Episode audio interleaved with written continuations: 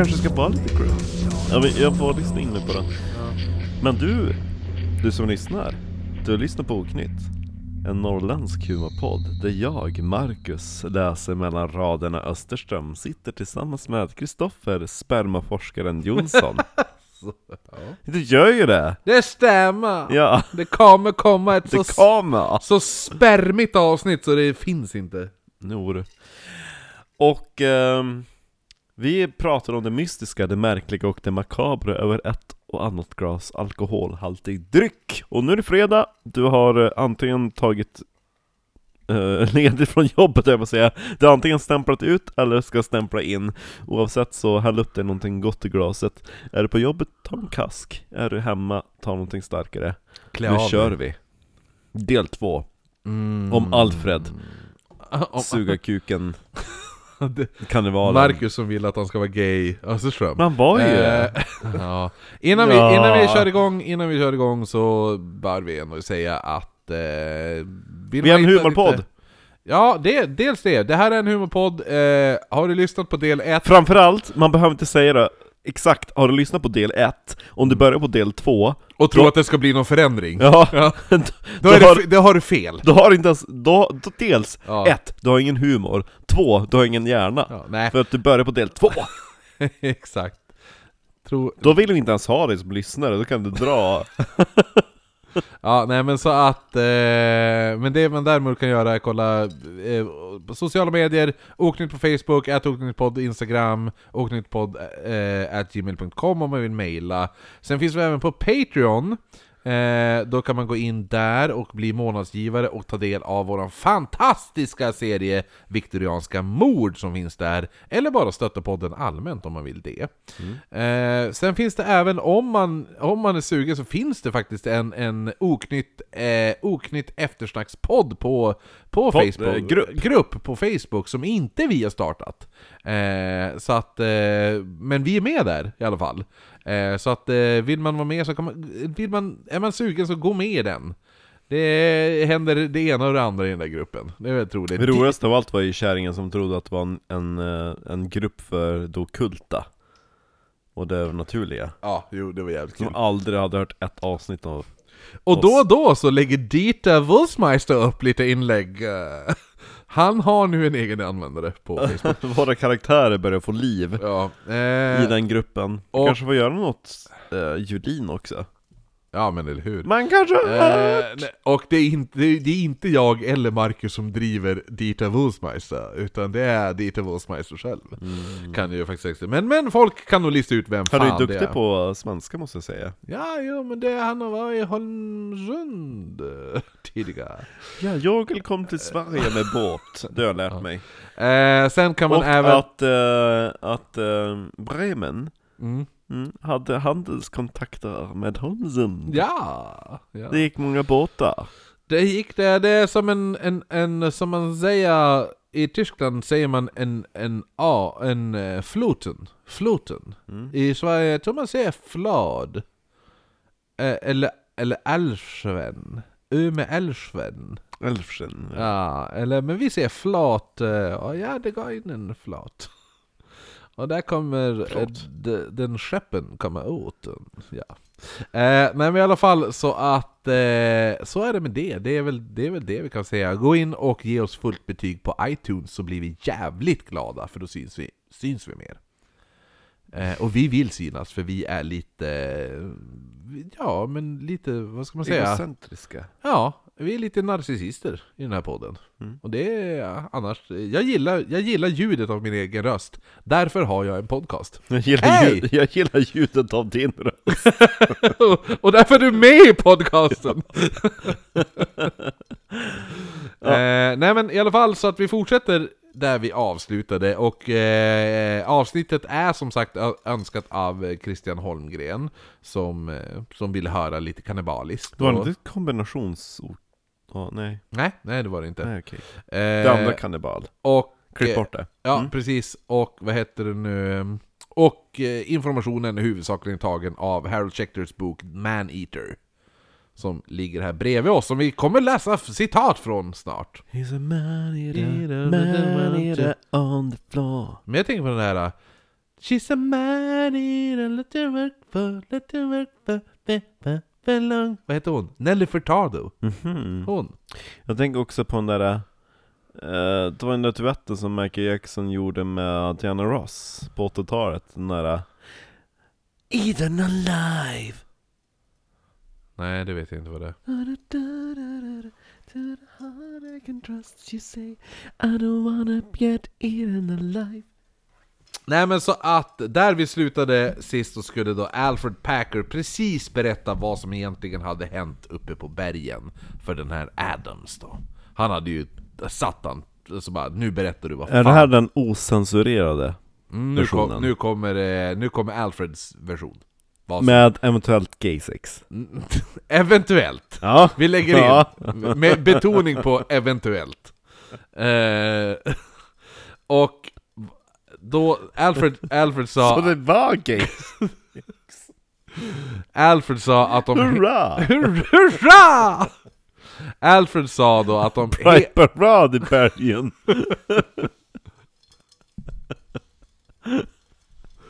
Ja, nej. Alfred sa Nej! då... Nej! bara, nej! Nej! Nej! Ja, Det, finns, det finns inget så, så jag tydligt... gillar, jag gillar också att, att Alfred själv kanske inte var det, men alla som han pratade med bara "Det- Det är okej att vara gay Nej jag var inte gay! Vi, Nej men det är lugnt, if, vi if står... it, om det var så, vi kommer att tycka synd om dig! Ja men, så, ja men som han sa i, i, eh, Förra avsnittet i förra avsnittet, där vad var det? Att... Eh, We will pity you more than Ja, judge then you blame ja, you, eller ja. sådär, ja. I will feel more pity than blame on you. Jo, något ja. sånt ja Eh, Man nej, men, men jag är inte bög, nej jag, vi förstår, men vi vill veta vad hände med de det är män okej. Ja, Ja, nej men så Alfred sa i alla fall att de helt missbedömt situationen och att de borde ha lyssnat på Chief Oray. de Den skulle här- stannat hos indianerna Ja, och eh, de var utan provianter snabbare än beräknat och överlevde genom att gräva Okej, vem har bakat bullar och allt vårt vetebröd? eh, de överlevde genom att gräva och var stod brödet vägen? Jag vet inte Jag vet inte, jag sprang iväg i skogen. Nam, nam, nam, nam, nam. Och sen Eh, spydde han upp det De överlevde genom att gräva upp rötter från marken som de åt och det tog bara 10 dagar innan 60-åriga gubben Schwan Dog eh, dog av svält och direkt han var död så skar de andra fem upp kroppen och styckade honom för mat som, som, Gott! som de sedan rostade ovanför en öppen eld.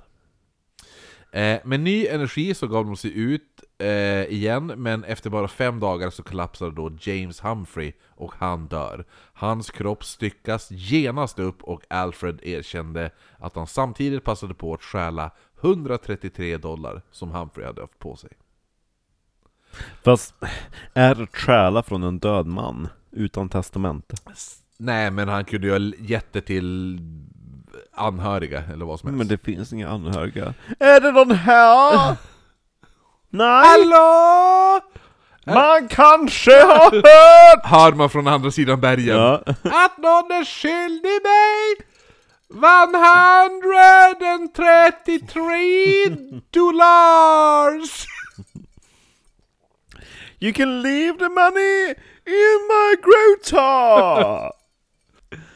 Eh, förutom Packers så var det nu Shannon, eh, Shannon Wilson Bell, George California Noon och den tyska slaktaren Frank Reddy Miller.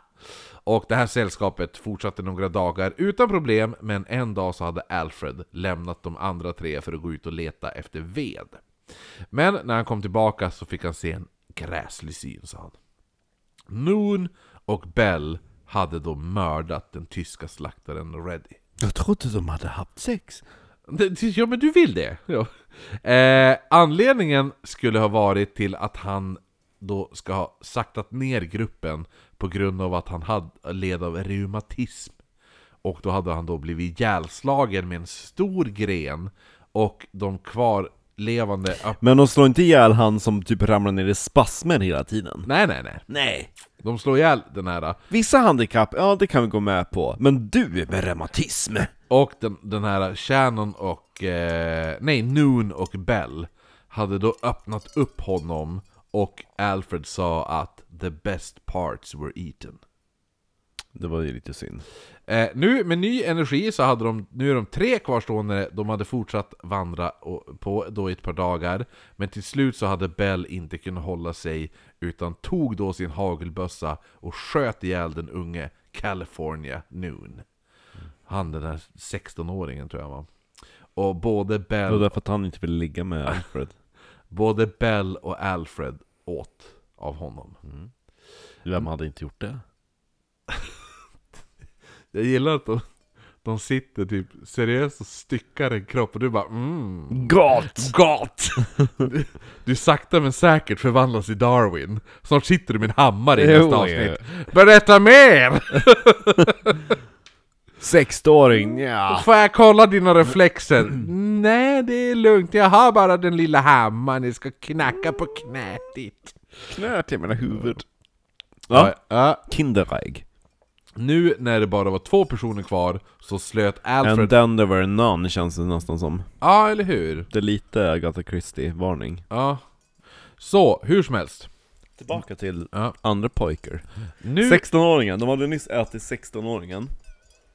Ja, precis. Eh, och nu var de ju då bara två personer kvar, så Alfred och Bell sluter då en pakt. Jag tänker han bara, det var ju gott det här. Ja.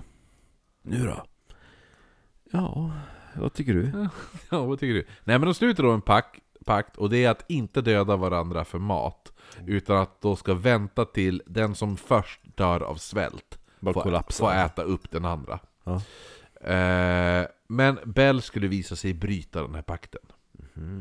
En kväll så smyger han sig då upp vid Alfred och skulle då stöta kolven med geväret mot Alfreds huvud. Men han missar och träffar då ett träd istället. Vilket gjorde att kolven gick sönder och Alfred hinner reagera och greppar då sitt eget gevär och skjuter Bell. Och sa See that! There was nothing I could do. I only had a few seconds. He was dead and I couldn't utter a sound. Mm-hmm. Alfred sa att han efter det styckade upp kroppen och tog med sig köttet som, han, som färdmat. Eller matsäck. Ja, en arm. Ja. Matlåda. Ja.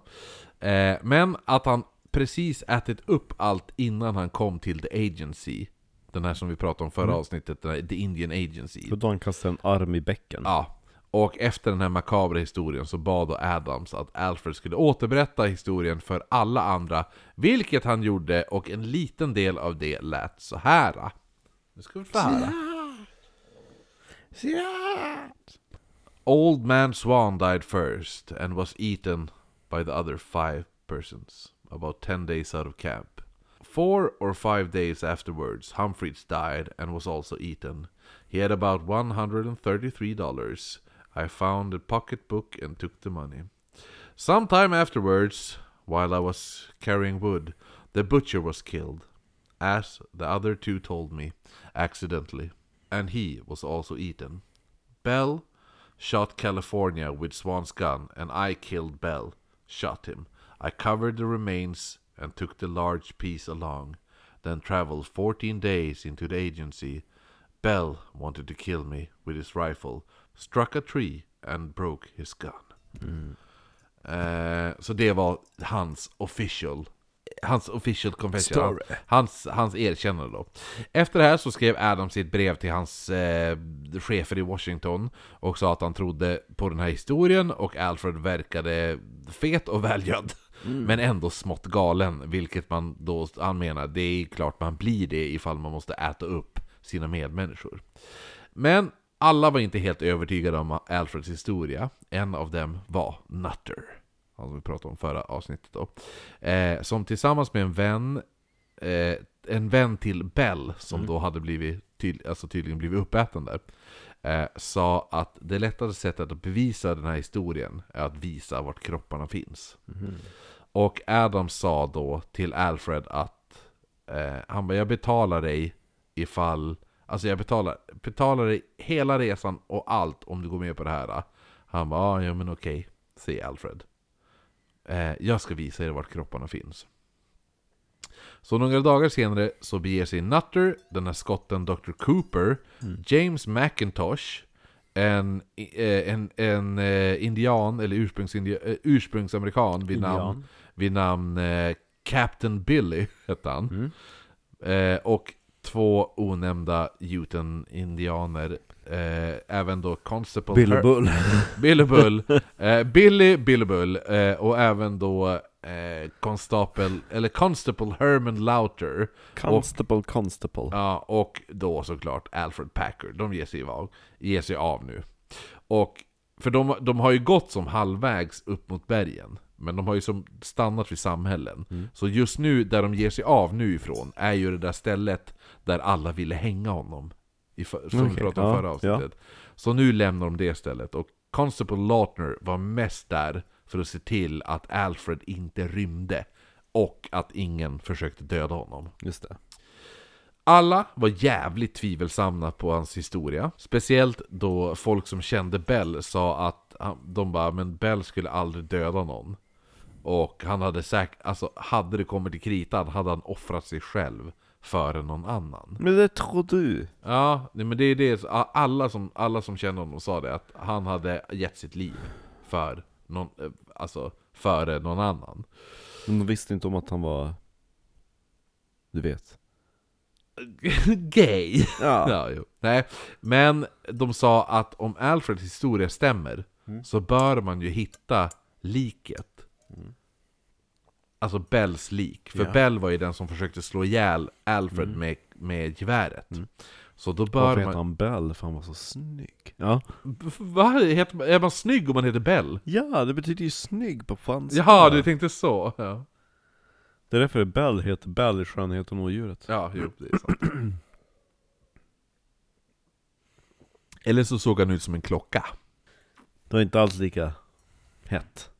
De tvivlade som sagt på, på Alfreds historia och sa, sa ju då som sagt att då borde ju den här jävla... Hittar man, hittar man hans lik så kommer ju då eh, kolven, det sönderslagna geväret, borde ju ligga bredvid, eller hur? Han kanske brände upp det. Ja, Men han gjorde ju inte, han sa ju att han gick därifrån. Jaha. Ja, Ja. ja så att de sa ju bara Ja, hittar man liket så bör det ju hittas med det sönderslagna geväret. Ja. Och den här Consta, Constable Lautner, eller vad han hette. Lautner. Ja, som, ja, men hette han Lautner? Laud... Lauter. L-A-U-T-E-R. Okej, Lautner. Constable Lauter. Mhm. Som då skulle se efter Alfred och kolla så att ingen försökte mörda honom. Vilket ord! Hörde du dialekten? Mörda honom. Murd. Ja, mörda honom. Han märkte hur Alfred fortfarande bar på den här stora slaktarkniven. Varför Den här som på den tysk- där ja. Och han bara, men kan jag, kan jag få den där kniven? sa han då. Och Alfred han bara, nej, nej det får du inte. Så började de båda bråka om den här kniven. Efter att Alfred då sen försökt attackera Constable Lauter. Men, och han, så Alfred vart helt galen och försökte hugga ner Constable Lauter. Men konstapeln lyckas då, eller konstapeln, jag vet inte vad, vad man ska säga han är, men typ, ja men the constable. Ja, Constable. Ja, Lauter i alla fall försökte då, alltså han lyckades brotta bort, eller brotta ner Alfred och få bort kniven. Och sen var det liksom så här och Alfred bara Oj förlåt, jag vet inte vad som hände, jag varit lite tokig där. Och han bara ah, okej, det är lugnt, vi fortsätter gå. Själv Jag fick man- epilepsi. Ja, exakt. Jag hade ett anfall. Det blir så ibland. Eh, sällskapet fortsatte då sin vandring, men då säger Alfred att han bara Hörni, nu är jag vilse. Alltså, jag, jag har ju lett er till det jag trodde var kropparna är, men jag känner inte igen mig. Eh, och, och då är de då i... i Mitt Lake, ingenstans. va? Mitt i ingenstans. Men, nej men de är, alltså...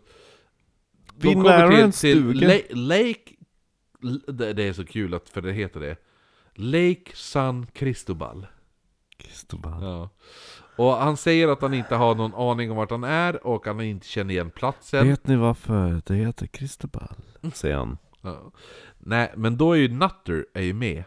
Som sagt. Och Nutter säger att han märker att marken... Natter ska Ja. vi slå upp ett tält vid stranden till Lake Cristobal. Nej men han är lite smart.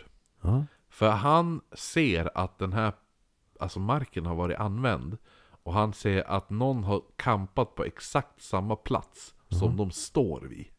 Så Alfred kommer till ett ställe och säger Åh, jag vet, jag, jag tror vi har gått vilse. Vi, jag har helt gått vilse. Och så tittar han sig runt omkring och så ser han bara Allting tyder på att platsen där vi står på just nu, att någon ha, har kampat här.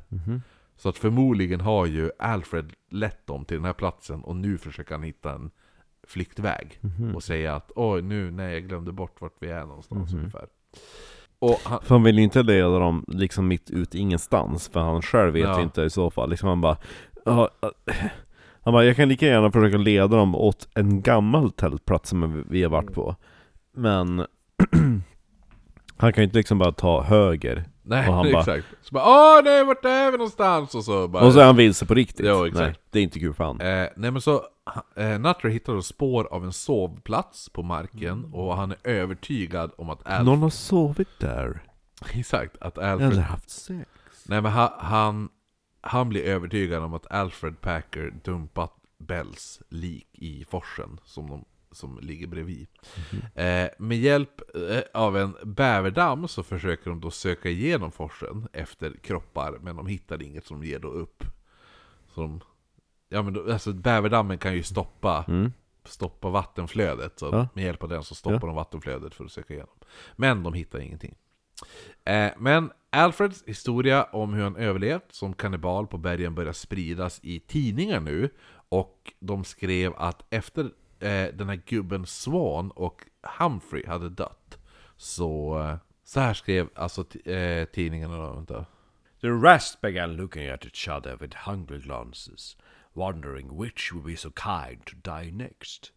As none of them proved to be accommodating enough in this particular, Noon made a virtue of necessity and, some ten days afterwards, shot Miller.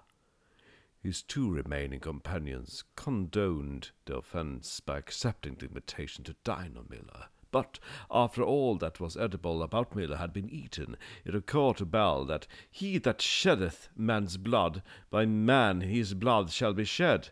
And accordingly he shot Noon and shared him at noonday meal with Packer. By this time noon was digested, Bell became convinced of the truth of the apothegm that self-preservation is that is the first law of nature, and not having any powder, he made for Packer with the butt of his gun. Packer was smart enough to get out of the way, and Bell struck a tree instead. Packer, indignant at this attempt on his life, killed and ate Bell, and two weeks afterward crawled into the Indian agency in state of starvation. Yes! Sir Ian had quite a struggle reading Ja, this. ja, ja. Ja men så var i alla fall eh, tidningarna, hur de beskrev hur alltihopa hade skett. Eh, så...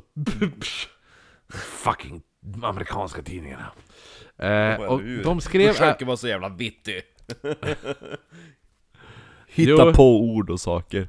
He, he shed blood in afternoon, but then he shed noon's blood in the noon. Lite så.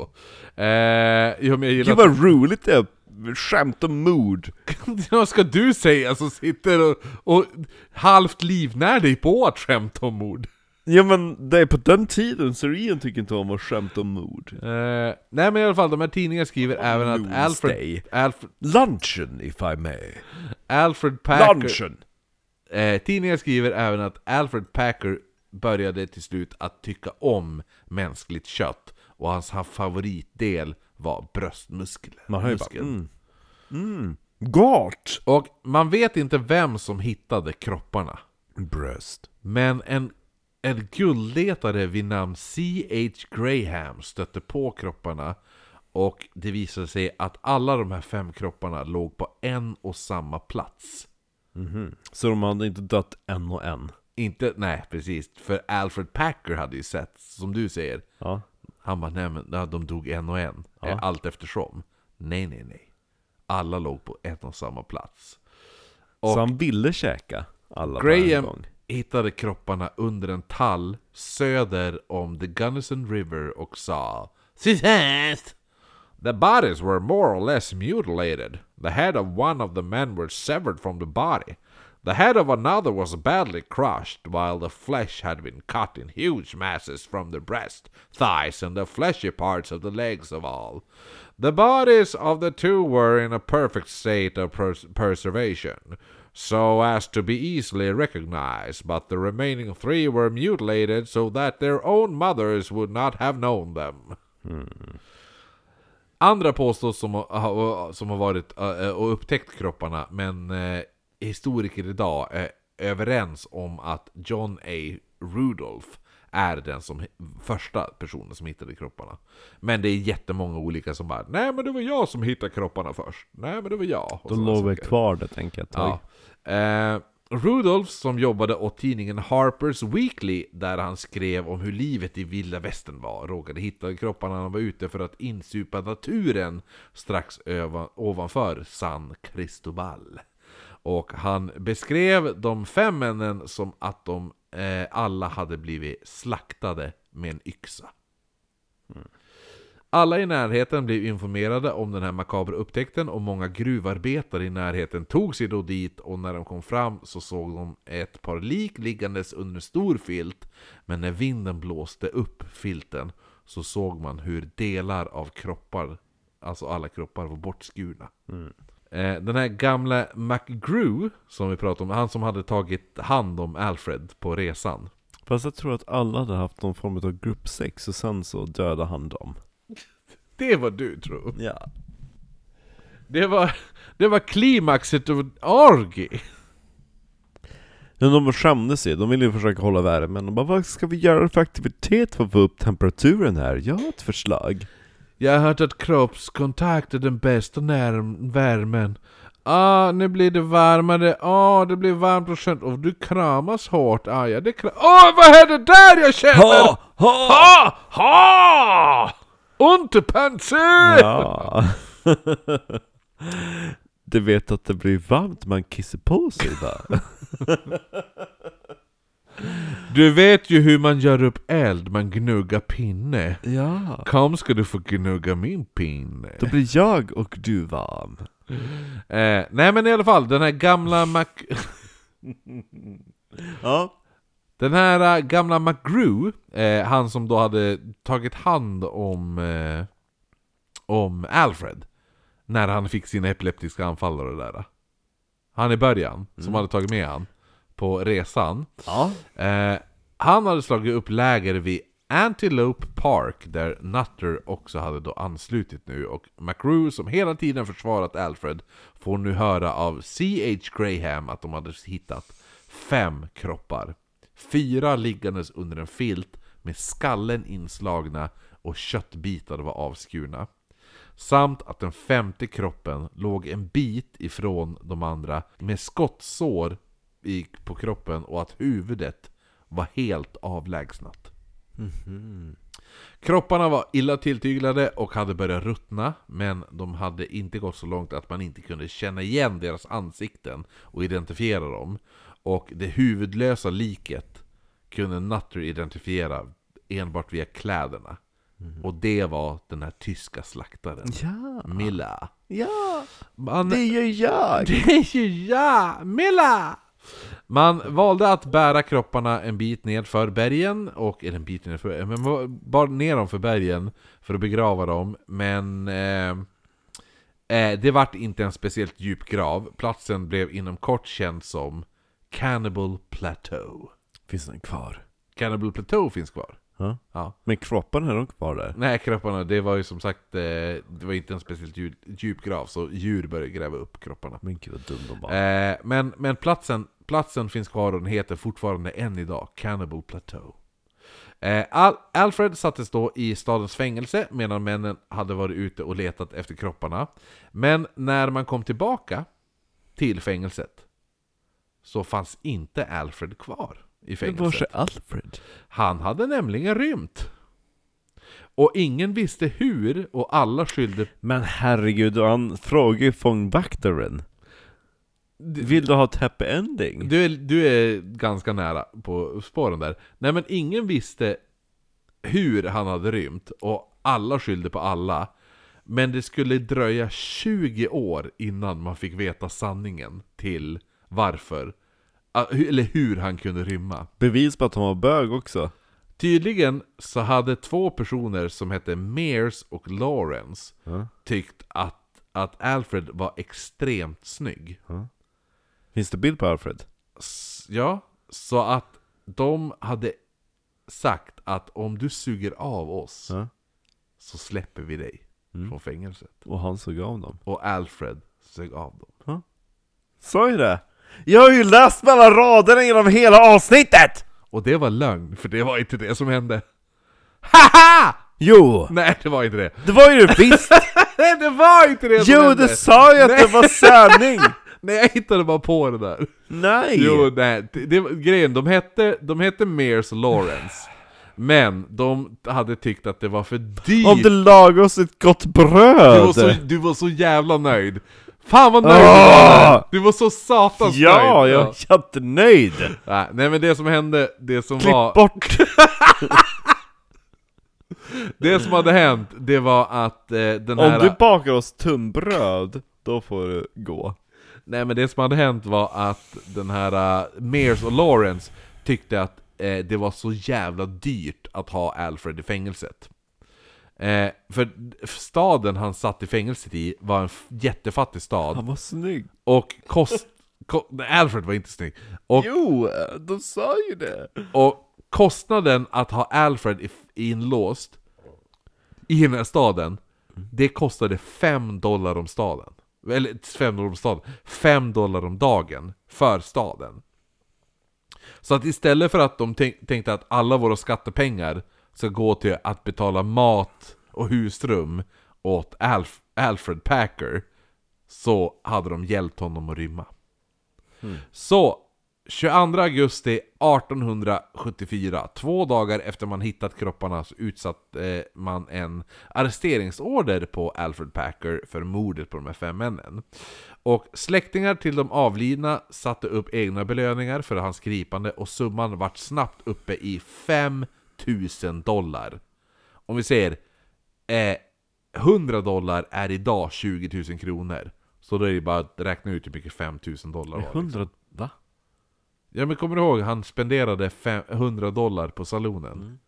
Och det idag Ja just det, just ja, det. Just det. Ja. är 20 000 Jag dollar. tänkte först att en 100 dollar, inte 20 000 svenska kronor. Nej, men så att då är det bara, då är det bara eh, Ja men det är en miljon då. Mm. Är det ju. Så, eh, eh, vilket gjorde att hela staden förvandlades nu till, alla i den här staden, de förvandlades till huvudjägare. Men Alfred Packer, han var ju långt borta vid det här laget och det skulle ta nio år innan man lyckas arrestera honom. Det är sjukt. Kommer du ihåg fransmannen som, vart, som hamnade i slagsmål? Mm. Han som... The han, puppy. han, ja, the puppy som sa 'Well if I'm a puppy then you're a fucking son of a bitch' Han som kallades för Frenchie. Mm, han som dog. Han hade varit med där i sällskap... Nej, han dog inte. Nej. Nej, för han hade ju då varit med Jag får mig att han gick med Fred. Nej, det gjorde, han, han gick aldrig med. Utan han hade stannat kvar hos Chief Ory. Och hade 1883 börjat jobba med att transportera varor mellan eh, städerna Cheyenne och Fort Fetterman. Och i mars det året hade han varit på en av sina transporter så hade han stannat för att övernatta vid så kallat Roadhouse. Som då, alltså typ ett värdshus fast mer salonigt. Mm. Ifall, ifall man har sett filmen Roadhouse med Patrick Swayze så vet man exakt vad Roadhouse är. Jag visste inte vem han var fram tills någon Let's Dance-sångerska gjorde en någon melodifestival-låt som heter Patrick Swayze. Va? Men du vet ju Ghost! Nej, jag bara, vad fick in Patrick Swayze?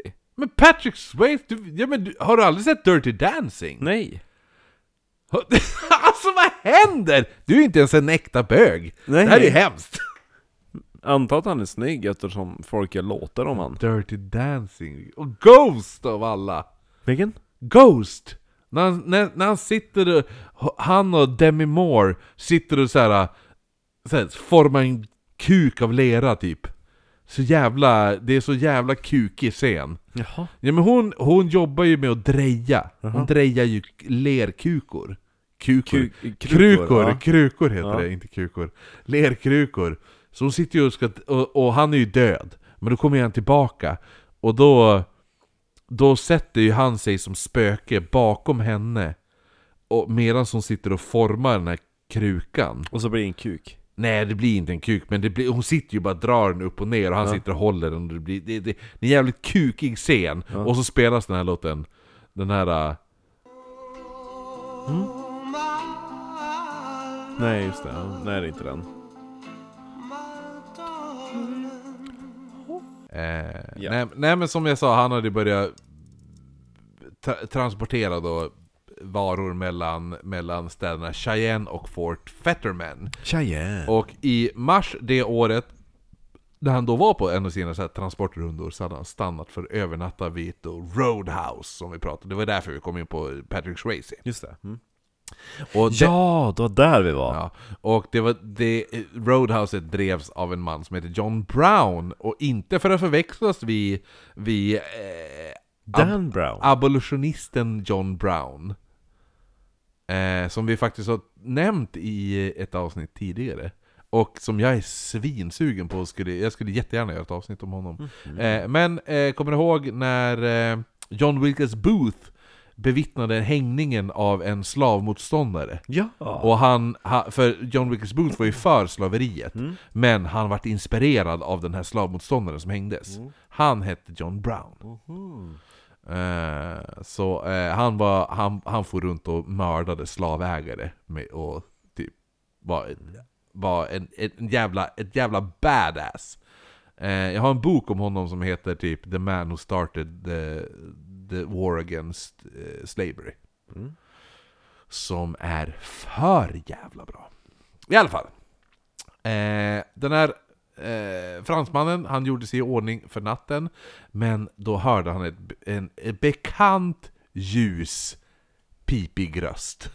Komma. kanske har hört Så, att man har skjutit mig! Ja, det var inte Julin, men han hörde den här rösten komma från rummet bredvid.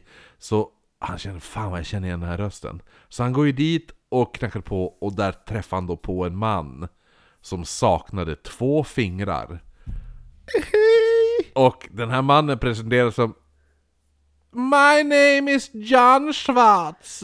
Ja! Han hade den här, de, de två fingrarna Ja, exakt. Eh, eh, eh, One in the stink, two in the pink-aktiga grejen. Jaha. Nej men det är fast då, är det, då måste man ha bort ett finger. För det är ju den här, det här är ju, alltså då har du ju lillfingret i anus, två, två i fittan och så en tummen på klitoris. Men gud. Ja. Det är någon One, straight man uh, grepp. two in the pink, one in the stink. Kallas ju den här. Stink. Ja, och så är tummen på klitoris. Oj, oj. Oj, du men det behöver... Tillbaka till bögarna! Ja, där finns det inte så många hål. Nej men så den här mannen... Berätta, hur gick det för? Mannen, mannen med åtta fingrar presenterade sig som John Schwartz. Och de samtalade en stund och den här Schwartz Var bad, sa du dina andra fingrar? Kvar i klitten. den här Schwartz bad att Hon Frenchie... hade någon djävulsk knipmuskel. Ja. Cut my fingers clean off. Exakt. Han, han skulle då samtala en stund med den här Schwartz. Josh. Och bad då att Frenchie skulle ta sig lite extra eh, bakpulver. Han sa det, nästa gång du åker på en resa, den här mannen med åtta fingrar. Yes. Han sa då, nästa gång du åker ut på en resa för den här att transportera med dig, ta med dig lite extra bakpulver. I know from experience when I tried to bake bread at those latitudes, it never rose. No matter how much raisin agency I used, the bread became flat. I was so embarrassed, I told my mate, I will make you the most beautiful Parisian bread, but it all came out flat as a stone. So, out of shame, I took the bread flat out to the forest and gulped it down.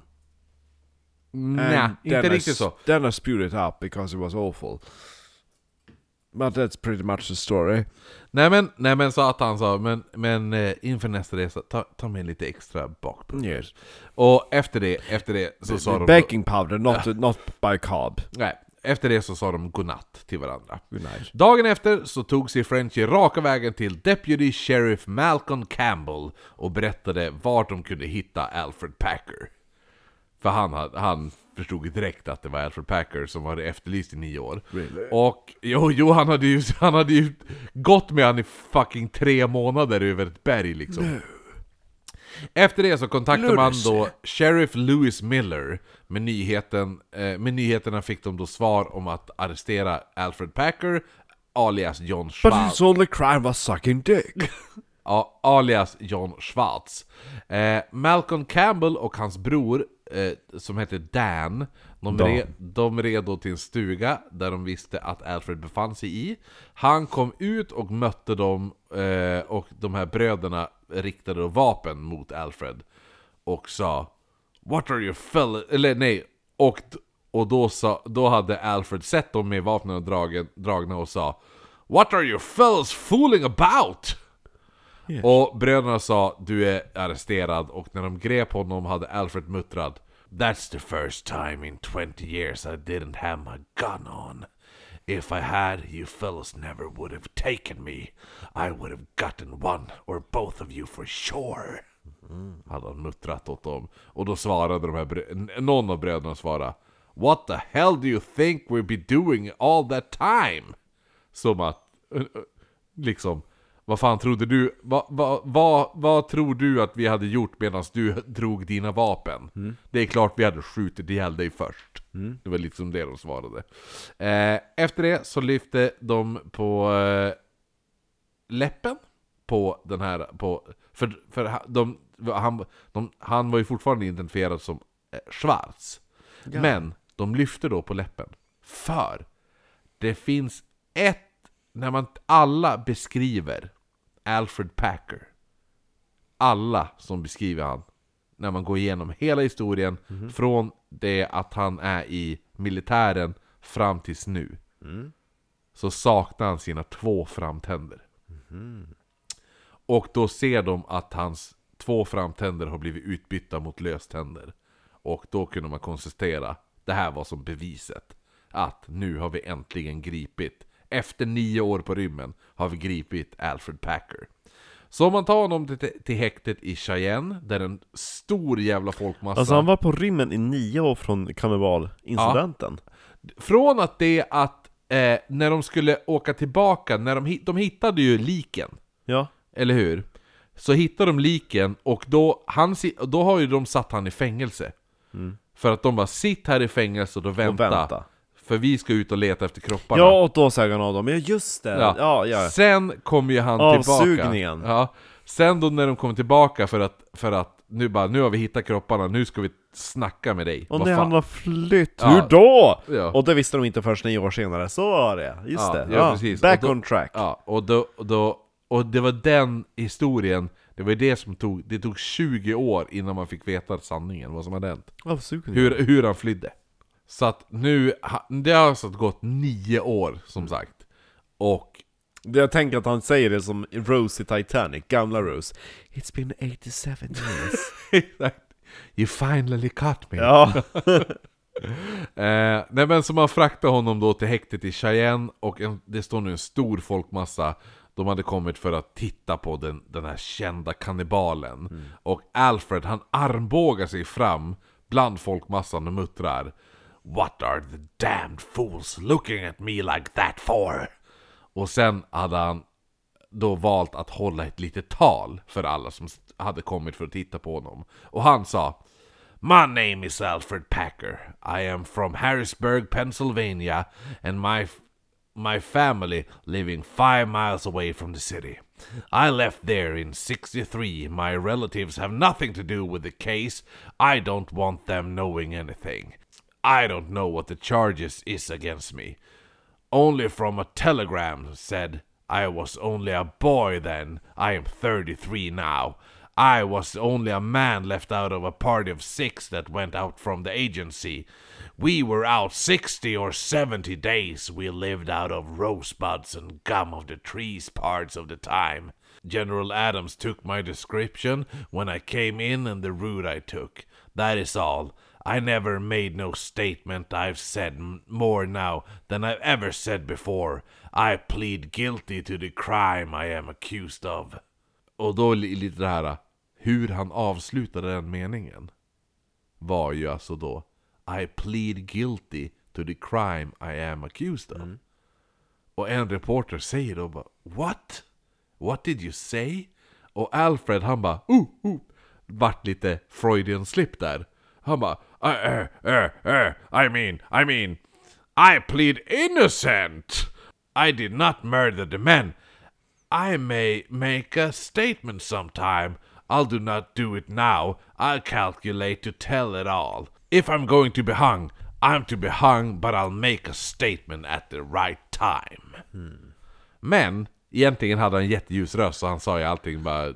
I mean I plead innocent, I did not murder the men. Ja. Yeah. Eh, så då får han då åka tåg från Cheyenne-häktet till nästa stad och, och en person som satte sig på det tåget eh, var en man som, det var en man som satte sig mitt emot Alfred. Och Alfred reagerade inte först på, på vem det var, men den här mannen frågade då om eh, han bara, men känner du igen mig? Och Alfred sa, nej, nej det gör jag inte. Men den, sen då studerade den här mannen en stund och sen började Alfred att, le. För mannen mitt emot Alfred var General Charles Adams. Han som han hade suttit och ätit middag hos. Han som upptäckte att Alfred hade betalat jättemycket pengar på The General Store. Och han som hade lett. Han bara, "I- men det kanske finns de här fem männen. De Lever. Kan, lever. Ja. Det är bäst. Visa oss vägen. Han. Han, han sitter nu mitt emot Alfred och båda, båda sitter och ler mot varandra som att de har träffat, alltså ungefär som att de har, de har träffat en, en gammal vän som de inte har sett på flera Mm. Kul. år. Vilket det är! De har inte sett varandra på nio år. Ja. Ja. Minns Och- du de där liken vi letade efter? Och Jag Adams, håller på att bli hängd för dem nu. Adams, han hade ju nu blivit lite utav en kändis. Eh, efter, för han hade faktiskt varit med och räddat gisslan efter en väldigt omtalad eh, eh, det- eller en omtalad massaker. Den omtalade Meekers-massakern. Alltså inte familjen Meeks, men The Meekers. Eh, där Är det- ett oknytt-avsnitt i framtiden? Nej, nej, men det var mest eh, en indianstam som omringade ett, ett par nybyggare.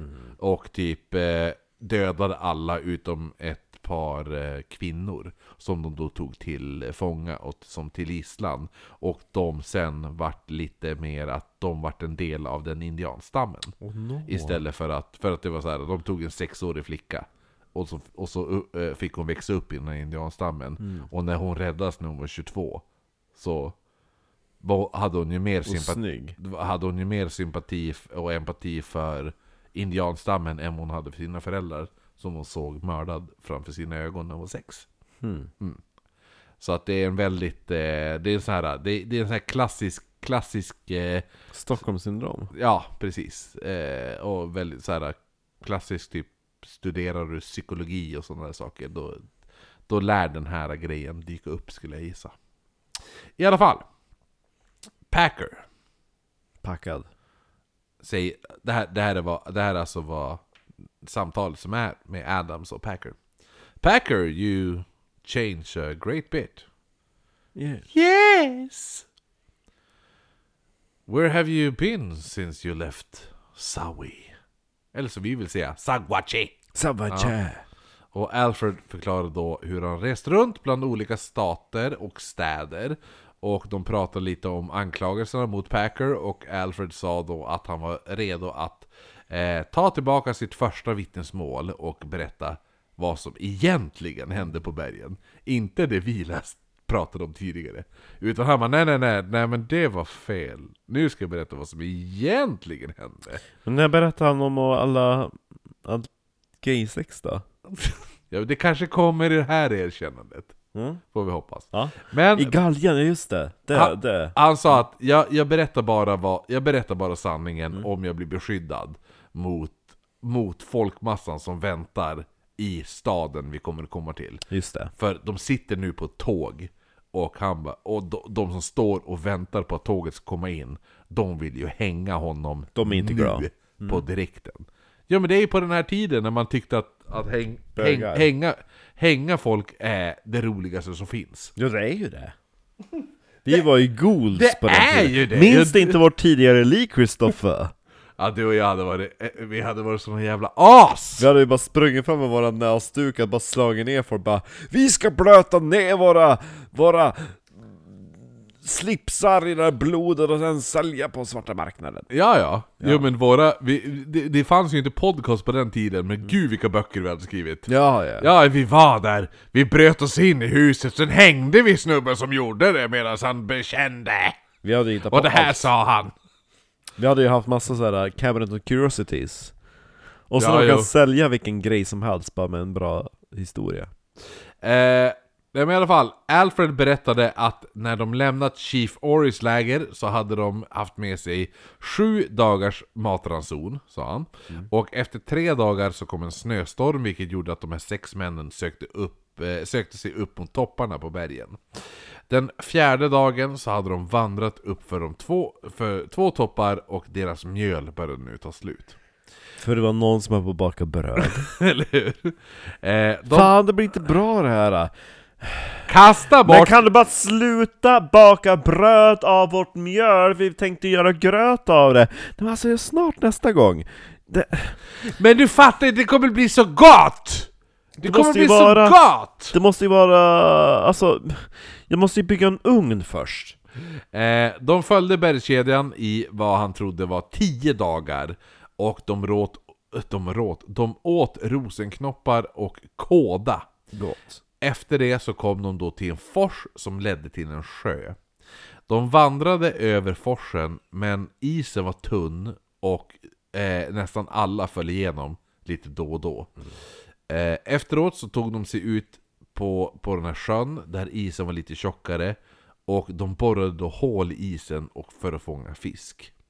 Men det fanns ingen fisk i den här, i den här sjön, så de försökte då istället fånga sniglar. Fånga sniglar! Ja, Bara, åh, vänta, vänta, här.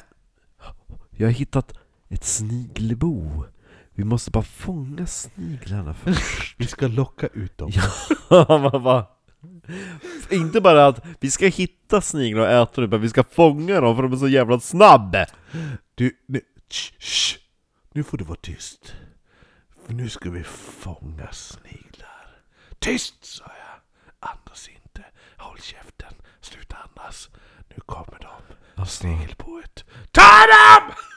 alltså det, Förlåt men alltså det där är bara min försats som jag kletar ut av den där stenen Jaha, det, oj förlåt. Jag tittar på din kuk. Jag trodde det var snigelbo. Ja! Oj, för, Det var så det var! eh, nej men i alla fall. Så var det Så var det. De Eh, åt försen Nej men de vandrade vidare och kom till en skogsdunge Där den här Svan och den här sexåriga gubben Sva, Svan eh, Svan. Svan Ja, S-W-A-N Så, att, ja. Han som var först, som dog Ja, enligt jo, Alfred Ja, exakt eh, Han bad Alfred att ta sig Alltså, då hade Alfred sagt att den här Svan bad honom ta sig upp Han bara, kan du ta dig upp till bergstoppen för att Rädda typ- dig själv Nej. För att scouta. Eh, för att se, tar du upp till toppen så kan du titta ut för att se den enklaste vägen ner. Men eh, när Alfred kom upp till bergstoppen så hade han bara sett ännu mera berg. Det var det enda han såg. Däremot... Typ som i uh, Assassin's Creed, när man klättrar överst ja, jo, på en jo. punkt och så man Ja. bara Nej det fanns ingenting mer Eh, men däremot så sa han att Men det jag såg Det var mer berg Men jag såg även Jättemycket och jättestora rosenbuskar Med jättemycket rosenknoppar Så han samlar ju på sig rosenknoppar Det är så här. Rosenknoppar är så här huvudpunkten i den här fucking historien Det är liksom. clubberries Mm. i uh, Assassin's Creed eh, Eller uh, vad heter? Raspberries Ja. När han, ja men eller hur, det är verkligen det. Ja. Eh, när han kom tillbaka ner till lägret efter att ha varit borta i nästan en hel dag Så såg han den rödhåriga Bell sitta och grilla kött. Och Alfred kollade sig omkring och han såg att den tyska slaktaren Miller låg död, död en bit lite närmare forsen, där strax bredvid. Han hade fått skallen inslagen med en yxa och ett stycke kött från benet var avskuret. Samma som stycke kött som Bell då höll, satt och höll på att grilla. Och en bit ifrån elden så låg de andra tre männen döda. Så han skyllde från sig. Mm, det här är hans historia nu. Och Bell, han såg nu Alfred komma. Så han ställde sig upp och greppade tag i yxan och rusade upp mot Alfred. Men som tur var så hade Alfred sitt gevär som han då siktade och sköt Bell med. Och skottet träffade rakt i magen och han föll ihop död på plats där.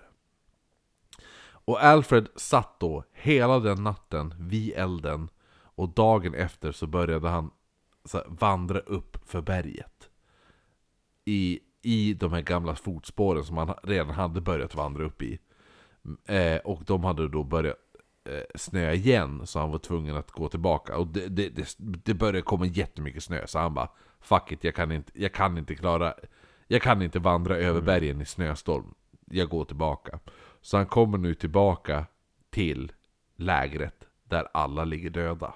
Hal, han hade även för övrigt halvvägs tillbaka ner så hade han faktiskt gjort ett litet... Alltså han hann inte hela vägen ner till lägret.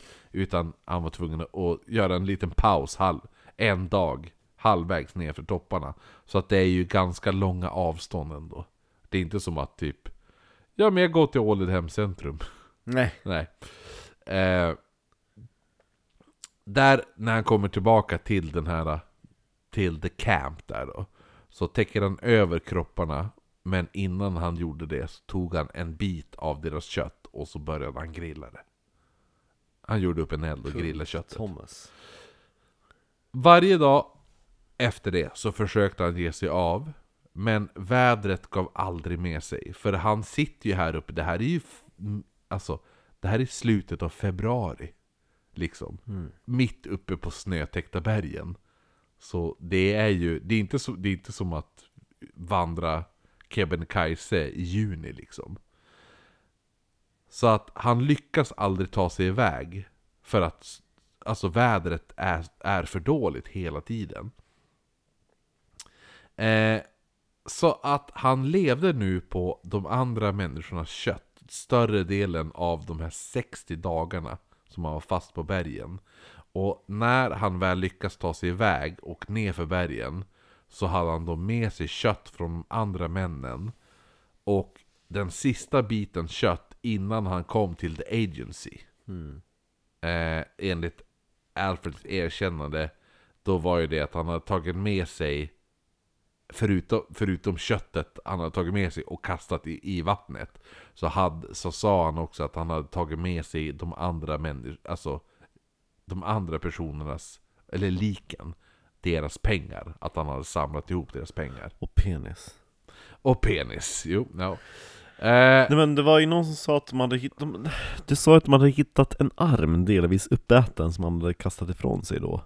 ja men det är det han menar, att han hade tagit med sig och han sa Men det, det vet man nu är sanning. Eller? Ja, jo, eller hur? Det är det han säger. Han säger ju det att, att han tog med sig färdmat och, och Så börjar hans story stämma överens? eller med vad som faktiskt har hänt. Ja. Så förmodligen är den här historien som han berättar, den här, den här historien Fast jag tror inte att han, att, jag tror inte att han sköt någon i självförsvar ändå. Det, det känns ändå lite orimligt.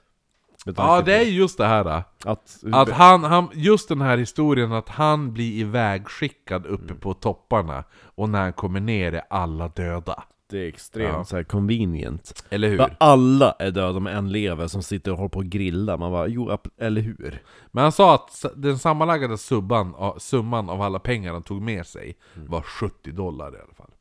Men, för alla lik hade hittats vid samma plats, så att Ja. en person hade dödat dem allihopa. Ja, men han sa ju att, han sa ju att Bell dödade alla. Ja.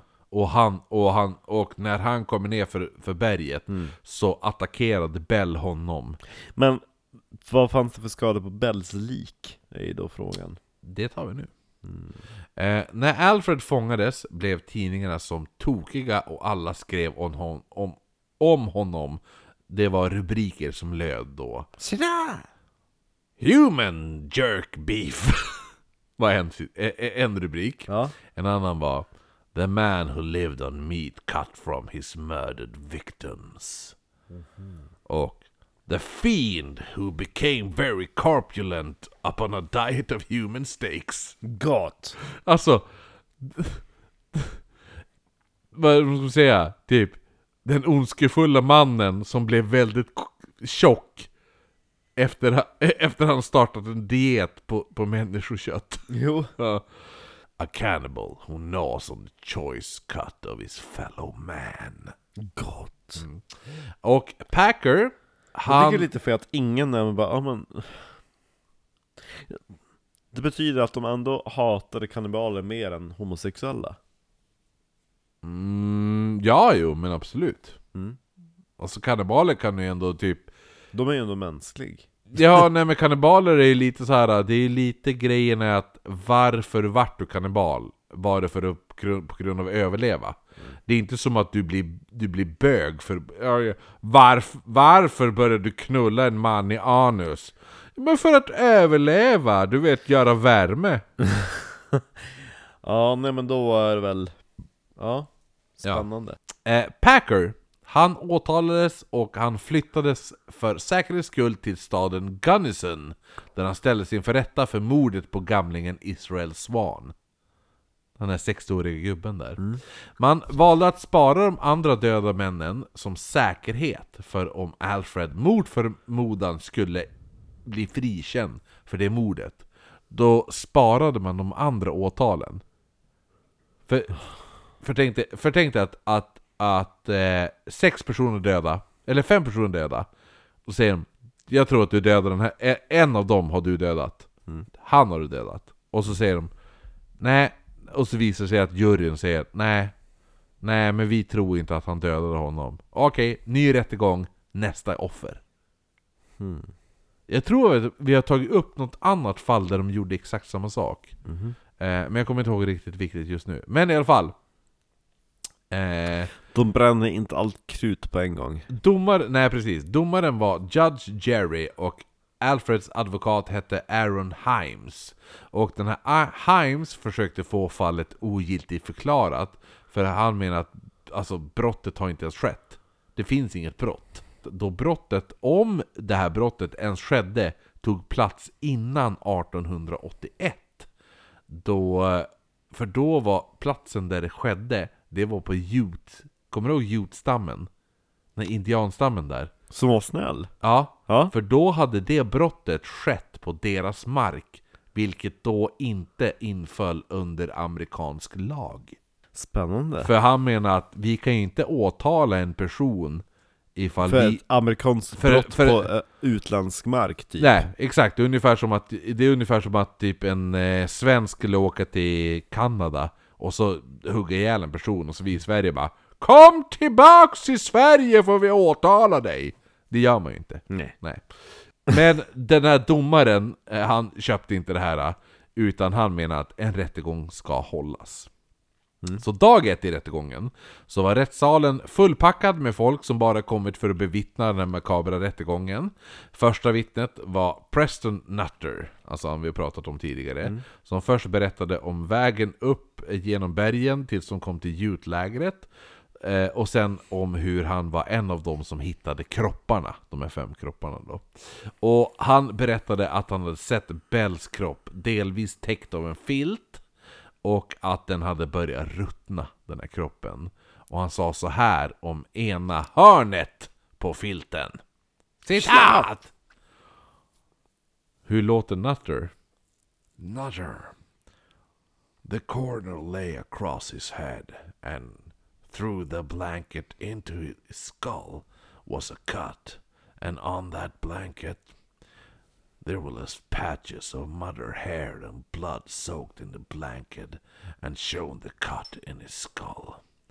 The cut was at least nearly as long as my hand is wide and went clear down through the skull. Så Nutter beskriver alltså sen, alltså lite typ hur det här var, just att, att typ en filt var intryckt genom kraniet på liket han hittade då. Och Nutter beskriver sen de andra liken och han fick ett par böcker då för att visa, de lägger ut, de bara "Men Om du kan visa hur, hur liken låg Använd de här böckerna för att visa hur de låg. Eh, Hur de var positionerade. Och åklagaren som även han, och han hette också Bell faktiskt. Han frågade då Nutter om han trodde att Alfreds egna historier stämde. Men Nutter sa att Packer, han bara Han är en mördare och han ska hängas.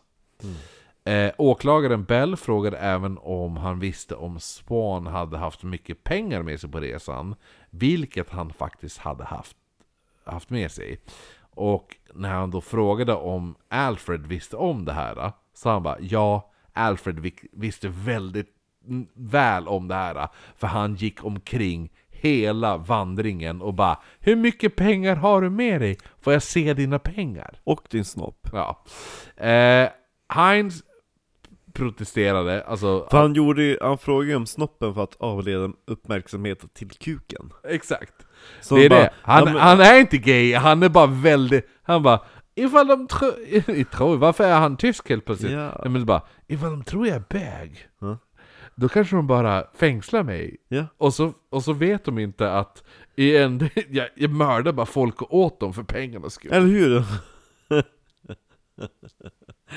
han, han frågade egentligen bara, men hur stor kuk har du? Vill du komma och visa din kuk? Och alla bara, ja absolut! Jag kan visa kuk. Eh, nej så men, var det! så var det eh, Heinz Det är sant! det är, s- Men det är sant! Ja. Heinz, han protesterar mot det här Ketchup. Ja, Ja men alltså, eh, advokaten Jo. Han protesterar mot det här, men eh, det spelar ingen roll att eh, alltså, den här pro- protesten bifölls, för juryn hade nu hört ett motiv för att Alfred ska ha mördat Swan. Så dag två av rättegången, andra dagen då var det då General Adams som vittnade. Han sa att han hade faktiskt trott på Alfreds första erkännande, men att andra hade då tvivlat, vilket gjorde att man sa att om bara Alfred kunde visa vart de, det här trasiga geväret fanns. För kommer du ihåg Men det? gud vad de har hängt upp sig på den där kolven! Ja, för de bara, men ifall man hittar det trasiga geväret, det trasiga geväret, det kommer ju då bevisa att allting Alfred säger är sant. Men det är så drygt! Ja. Men, det, men, men, men samtidigt är det ju det. För ifall du hittar den, eh, ett trasigt, en trasig kolv, så men betyder... det var inte så! Eller? Det var ingen kalv! Så att, för då var det ju lite det här att visar man den, det som har slagit mot trädet, så det var ju bevis nog. Eh, och då betyder det att allt Alfred hade sagt var sant liksom. Adams hade även frågat Alfred efter att han hade gjort sitt andra erkännande varför han inte hade sagt sanningen direkt. Och Alfred hade då sagt att han för tillfället inte mådde bra i huvudet.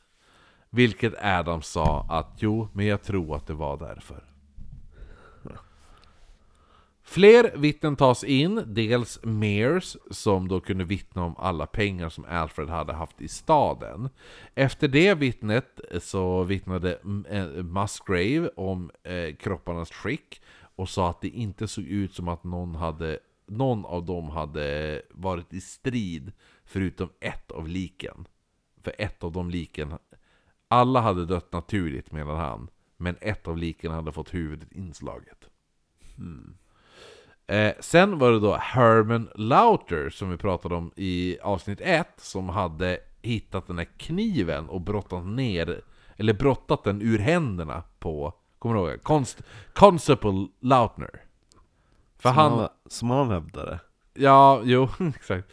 Eh, och han berättade om hur Alfred hade attackerat honom med den här kniven och han beskriver Alfred som vildsint. Eh, tre, eh, dag tre fick först nu Lautzenhauser från, från avsnitt 1. Han fick komma upp och berätta hur han hatade Alfred redan från första början och att hela tiden frågade, att, att Alfred hela tiden frågade om alla andras pengar. Efter det så ställde sig Alfred upp och sa att han ville göra ett uttalande. Alfred berättade hela historien ända från hur han kom att följa med de 21 mans stora följet upp till bergen och han, berä han berättade hur de svalt och hur de även hade trott att de hade blivit attackerade av indianer. Men det hade ju då varit Chief Ory som vi pratade om då. Efter det berättade han hur han och de fem andra gett sig av och hur de fastnade i en snöstorm. Med den sista påsen mjöl hade de smält snö och blandat i mjölet så det blev typ en sorts gegga. Smet. Ja. Efter några dagar hade California Noon, det var ju han vi kommer ihåg att du inte vet vad vad Noon var? Mm. Ja, det var ju California, han heter ju California Noon. Yes. Eh, då hade California Noon bidragit med att rosta hans mockasiner. De fortsatte några dagar, men hungern var konstant och efter fyra dagar tillagade de även Bells mockasiner. De fortsatte kämpa, men irritationen hade vuxit eh, hos dem och, eh, allihopa och Bell råkade nu trampa på Noons fötter. Och det utbrister nu ett bråk. Sex dagar senare så åt de även nu Alfreds mockasiner. De gillar mockasiner. Jo. Emellanåt så hittade de rosenknoppar som de kunde äta, men de var inte mättande och Alfred sa att alla grät och bad till Gud hela tiden. Alla utom Bell som inte hade sagt ett ord på några dagar. Swan, han började halka efter, men för han var ju gammal, han var ju 60 plus liksom. Och de försökte invänta honom så alltså han skulle då hinna ikapp och sånt där. De trodde att han skulle få, eh, de, trodde att de, de trodde att de skulle få fisk i den här frusna sjön.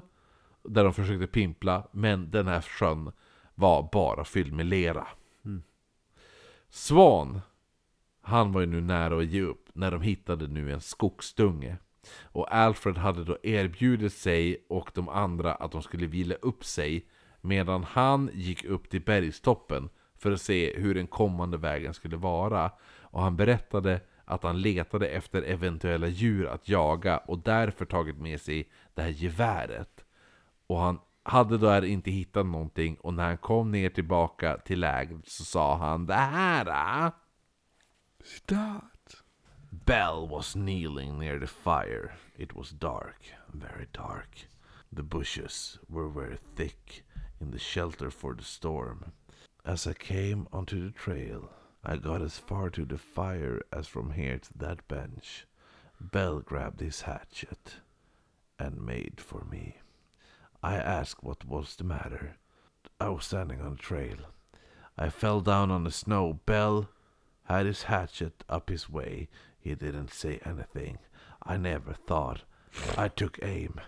No, I didn't take aim, but I shot him. As he came forward, I struck him with the edge of my hatchet. It struck him right that way, and that cut cut through. I hollered to the party. Nobody answered me, so I stood looking at Bell for a little while. I went to the fire and let the hatchet lay there. It was storming, snowing hard. I saw the fix the rest of the men were in. Han sa att han då hade suttit med de döda kropparna och blivit mer och mer hungrig. Och sen sa han då allvarligt. Citat! Gentlemen, right there is my last feeling. The next morning I ate the piece of meat. That is what hurt me, eating this meat, and it have hurt me for nine years. I was not responsible for what I ate. I could not help it. Right there, I had no feeling. I had no fear of freezing. I just was happy. Right there, I cut that piece of meat, boiled it in a tin cup, and ate a little. Gott. Mm. Eh, Alfred fortsätter sen sin historia om hur han ätit av alla kroppar och hur han har tagit sig ner till berget, eller från berget ända tills han rymde från häktet. Och efter det var det dags för åklagare Bells korsförhör. Och i boken, den här Man-Eater som jag håller nu i handen, finns hela det här fucking korsförhöret nedskrivet. Och det är jävligt roligt att läsa. Men, men, alltså för Alfred han blir skitförbannad hela tiden. Och han käftar emot åklagaren. Och är sassy som fan. Och det, man sitter och flinar hela tiden man läser det här. Men det är jävligt långt så jag ska inte gå in på det här. Men så, summa summarum i alla fall är att åklagaren Bell försöker hitta hål i Alfreds historia. Men Alfred han var så jävla, jävla bra på att svara på frågorna. För att han är sassy. Och har rapp i käften liksom. Eh, så advokaten Himes, han börjar nu, när det är hans tur att korsförhöra, så börjar han ju korsförhöra Nutter, men det här gav inte speciellt mycket. Och eh, juryn skickades då till slut ut för att, att oj, för att eh, bestämma eh, straffet då. Om, eller, eller inte bestämma straffet, men bestämma om han var skyldig eller inte. Och de kommer då tillbaka med beslutet att han är skyldig till mordet på gamla gubben Swan. Hmm. Alfred hade då sagt I don't feel that I'm guilty to the act that I'm charged with. Och domaren frågade då hur gammal Alfred var och Alfred svarade 34 år. Vilket var en lögn, för Alfred var 40 år. Egentligen. Gud. Eh, han frågade då vad Alfreds fullständiga namn var, och vilket han uppgav, men drog då även där en liten lögn och sa att han hade haft namnet intatuerat sedan han var 13 år. Men som du kommer ihåg från första avsnittet, han tatuerade in det i armén, så han tatuerade in det när han var plus 20. Så han ljög ju lite där också. Hens stavfel. Ja, Eriksson, han hette, det var inte ens tatuerat in Alfred, det var tatuerat in Alfred där. Domaren frågade då om han hade några barn, vilket Alfred svarade då nej på. Och efter det så hade domaren en lång poetisk utläggning eh, innan han fastställde domen. Men det spreds däremot ett litet rykte om att domaren hade en grotesk sydstatsdialekt och hade sagt Citat! Stand up you ferocious man-eating son of a bitch! Stand up! There were seven Democrats in Hinsdale County, and you ate five of them. God damn ye! I sentence ye to be hanged by the neck until you're dead. Dead! Dead! As a warning, I ain't reducing the democratic population of the state. I'd sentence you to hell, but the states forbid it. Men Alfred dömdes inte till döden. Så det där är bara bullshit. Men det är många som menar att det här var domen som han fick. Men det är inte det. det. Det här är en skröna liksom. Eh, men han avslutade då den här domaren i alla fall med... Ska vi se vad det här var. Det är så här. Alltså, hel, hela, hela domen är en... Det är en monolog som skulle vara typ en, kvart. en Det är en kvarts monolog. Typ hur, alltså hela hans, alltså när han ska ut, uträtta domen. Men den avslutas lite så här. då. Alfred Packer The judgment of this court is that you be removed from hence to the jail of Hinesville County and the Confederate until 19th day of May, AD 1883, and that on said 19th day of May, 1883, you be taken thence by the sheriff of Hinesville County to a place of execution prepared for this purpose at some point within the corporate limits of the town of Lake City, and in said that county of Hinesdale, and between the hours of 10 a.m. and 3 p.m. of said day, you, then and there, by the sheriff be hung by the neck until you're dead, dead, dead, and may God have mercy upon your soul. Så att han dömdes till döden. Mm. Men det var inte But until you're dead, dead, dead! Och skrek det liksom så här. Nej. Eh, så att Alfred Packer döms alltså då till döden. Eh, men, men, men det tål att säga, jag tycker man ska läsa den här boken för hela den här rättegången är skitkul. Faktiskt. Och det är skitkul och det är, he, alltså, vi skulle kunna lägga nästan upp på Patreon bara hela monologen som den här äh, jävla äh, domaren har liksom. Men i alla fall, så han döms då till döden. Och i Lake City-fängelset så var Alfred, han var, han var ganska rolig men han då inväntade att bli hängd. Eh, och en medfånge hade då protesterat när han skulle då dela cell med Alfred. Och sa, då hade den här fången sagt i ain't going to sleep in no jail with a man eater picking the man eater in the cell and I'll be damned if I'm going to stay there. Och Alfred, som då hade sovit när mannen skulle släppas in i cellen, hade då vaknat och då ryter han till eh, och säger då till mannen Dry up there goddamn you or I'll chew you up! Så han hotat med att äta upp killen. Alltså det är ändå skönt, han är, pojk. ja, men han är, det är ändå lite roligt. Han skulle ha sagt någonting om bögerier istället. ja men det gör vi. Fast det är som det är mest du som hittar bögerierna. Nej, nej, nej, nej. Ja. Även fast det bara var två Om man veckor... läser mellan rader. Även fast det var bara två veckor kvar innan Alfred skulle hängas så fanns det hopp. Advokaten Aaron Hames hittade ett fall från 1881 där en man hade dömts för ett mord, men inte till döden. Utan har fått livstidsfängelse och han använder det här för att överklaga domen då det i Alfreds fall fanns mindre bevis och mer tvivelaktiga omständigheter än i fallet, det, det andra fallet då. Och ett överklagande som då godtogs. Och en ny rättegång hölls och Packer stod då fast vid sitt tidigare erkännande. Man fann honom skyldig men inte till mord utan för dråp.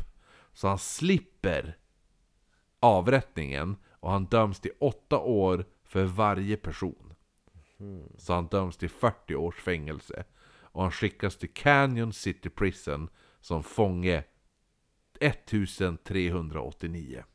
Och hans tid i fängelset var väldigt upp och ner. Han försökte få domen hävd genom att eh, förklara sig mentalt galen på grund av sina epileptiska anfall. Som du kommer ihåg från avsnitt 1. Men det gick ju inte så bra. Eh, en man som hette Hatch. Inte samma Hatch som i i H.H. Holmes. Hi, my name is Hatch. Eh, inte han. Men en kille som heter Hatch kände igen Alfreds bild i tidningen. Men han hade ju lärt känna honom som Schwartz. Kommer du ihåg? Det var ju Schwartz. Det var det han hade levt som namn under de här nio år på rymmen. Just det. Ja. Så han kom ju då och började hälsa på honom och han fortsatte hälsa på Packer då i fängelset. Och han fick då reda på att folk ansåg honom som oskyldig och började skriva brev till honom och folk började skicka bilder och teckningar och de skickar pengar till Alfred Packer i fängelset. Och Alfred sparade alla pengar hårt varje dollar han får, och det är mycket dollar, så sparar han. Men efter tio år i fängelset så blir han nu avlurad alla pengar han har tjänat ihop. Av en man som säger att han bara Jag kan få dig fri genom en namninsamling. Men ska jag, ska jag kunna få ihop namninsamlingen så måste jag ha pengar för att kunna ta mig mellan olika städer. Så kan du ge mig alla dina pengar du har. Och så Alfred ger honom alla pengar han har sparat ihop under tio års tid. Mm. Det förtjänar han. Nej, men gör han verkligen det? Det är det som är frågan. Så att han, han ger den här killen, han har suttit i fängelset, den här killen han ger pengarna till har suttit i fängelset för bedrägeri och heter James P. Daly. Så, och han blåste Alfred på alla pengarna. Men Dwayne Hatch, som han då hette, blev Alfreds tröst, som då hälsade på honom mer än ofta och åtog sig även att skriva ner erkännande på papper och publicera det här. Det här tredje erkännandet är, ja men det är, Ja, jag har sugit kuk. det är i princip samma som de andra erkännandet, men Hatch hade ett öga för dramatisering. Och han skrev det nästan som en novell och började kämpa väldigt hårt för att få Alfred frivilligt given och efter 18 år i fängelset kommer en viss Polly Pry att läsa det här maka- den här makabra historien. Och Polly Pry, det var en kvinnlig journalist som 1899 bestämde sig för att skriva om en om, om USAs, alltså hon, hon skulle skriva om USAs fängelsesystem och sådär. Och- Hon som är American Horror Story. Ja men nästan, fast det här är, det här är eh, 50 år tidigare. Så det var hon som typ uppfann wallraffande? Vad tänkte du då? Att man sätter sig in i någonting man ska skriva om. Ja, men li- ja, kanske lite grann. Så att är hon, man borde inte kalla wallraffande för wallraffande, utan man borde kalla det för, vad heter hon? Polly Pry, Poly, polypryande. Polypryande ja. ja. Ja. men eller hur? Eh, och hon skulle då skriva om USAs fängelsen och det första stoppet var Canyon City där Alfred satt. Och hon hade en dag när hon besökte fängelset gått förbi en cell där hon såg då en bredaxlad fånge med en come-over. Han hade come-over, getskägg och armarna i kors och stå och småle mot henne. Och hon såg hans fångnummer och frågade då Vem är fånge 1389? Och att han var snygg. Och då sa de That's Alfred Packer, would you like to meet him? Så hade då fångvakten svarat och hon bara Ah, is that the man? Yes, I would like to hear his story, hade hon sagt. Och efter det försökte Polly Pry få en intervju med Alfred.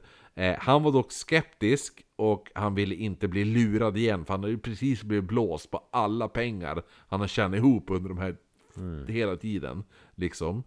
Eh, men Polly Pry övertalade honom och Packer berättade då hela historien för henne och Pry omva- omvandlade hans historia som vad han var känd som, en galen kannibal, till en historia om en ensam man som mot sin egen vilja måste äta av sina döda vänner för att överleva.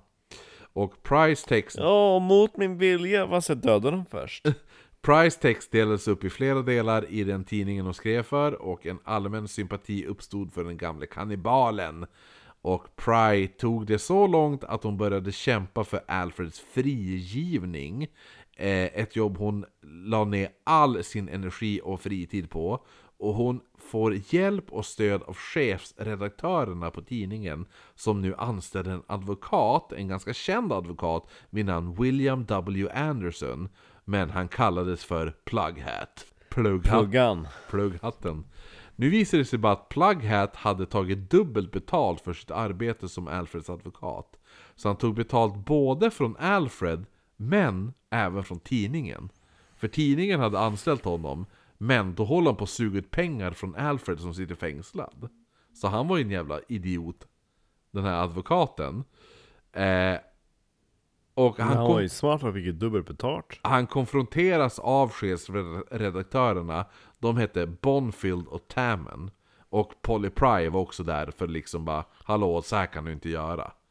Killen, killen har inga pengar. Du kan, vi betalar dig, du kan inte ta betalt av han också. Och, då, och då uppstår det ett bråk och den här Anderson säger I don't allow any man to talk like me or dad. Säger han. Men då säger, skriker då Bonfield Get out you goddamn faker! Skriker han till, till den här advokaten. Ja. Och han tror sig se Anderson ska dra en pistol. Så han flyger upp och slår till han på käften. Sen styr han ut Anderson ut ur rummet, men innan de hunnit till hissen så drar Anderson upp en pistol och skjuter Bonfields med ett skott som träffar honom rätt bredvid bröstvårtan. Mm.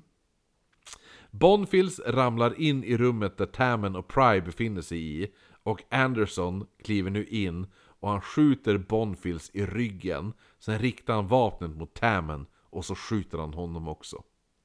Och Tammen han skyddar sig med armarna och eh, benet i underarmen. För han håller ju upp så här. Så att kulan träffar så benet i underarmen splittras av, av skottet och så träffar det, skottet går igenom och träffar honom i bröstet. Och Tammen faller ihop på golvet och Anderson går fram och skjuter honom i ryggen också. Det här är alltså advokaten till Alfred. Han mördar, alltså han går in och skjuter redaktörerna som betalar hans lön. Da, han har de anställt som advokat till Packer. Det är helt sjukt. Eh, I alla fall, Pry, hon står ju helt förskräckt liksom, Polly Pry. Ja. Så hon kastar sig mellan Anderson och Tamman innan han avfyrar ett tredje skott och säger For God's sake Anderson, don't shoot again! Och Anderson stoppade undan pistolen och säger att han bara Jag ska nog ringa polisen. Men Pryor ryter ifrån och säger Not the police, the doctor! You've done murder enough! Ändå skön. Idiot. Ja. Nej men det är väl inget idiotiskt? Ja men alltså att han, han bara "Åh, jag ska ringa polisen. Ja, jo, nej men, nej men hon, Polly Pry är en fucking jävla badass tjej liksom. Eh, det skulle ta tre rättegångar, men Anderson skulle, som, som, alltså han som försvarade Alfred, han, man fann honom eh, icke skyldig. Hur då? Nej men de menar att det var ett bråk, liksom. Ett bråk. Då får man göra vad man Eh, vill. Alfred däremot, de fann att han inte var oskyldig, men att han hade skött sig så bra i fängelset och inte visat några kriminella tendenser och han frigavs, Alfred Packer frigavs villkorligt 8 februari 1891. Och Polly Pry skrev en avslutande artikel om Alfred Packer och hon avslutade då med en dikt eh, som löd eh, Sitta. Swing it back, yes, gently swing it. Open wide the iron door. Let him breathe the air of heaven till his soul thrills the core.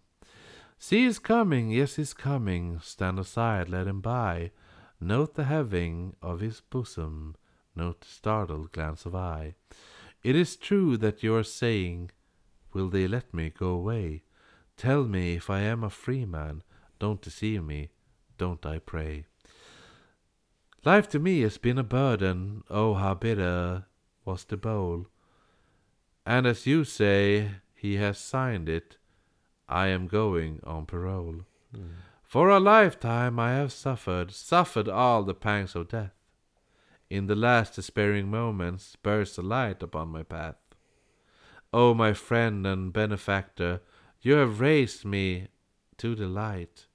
Lead me from the Stygian darkness into the freedom glorious light. Tell the post I'll ever bless it. Tell my loyal friends for me that an angel came and found me, swung the door and set me free. Det var en ganska fin dikt på något sätt ändå. Ja. Sjung den istället. Det får komma på Patreon. Eh, det var även Polly Pry som fick ge Alfred beskedet om att han skulle släppas fri. Det var Va? rart. Ja.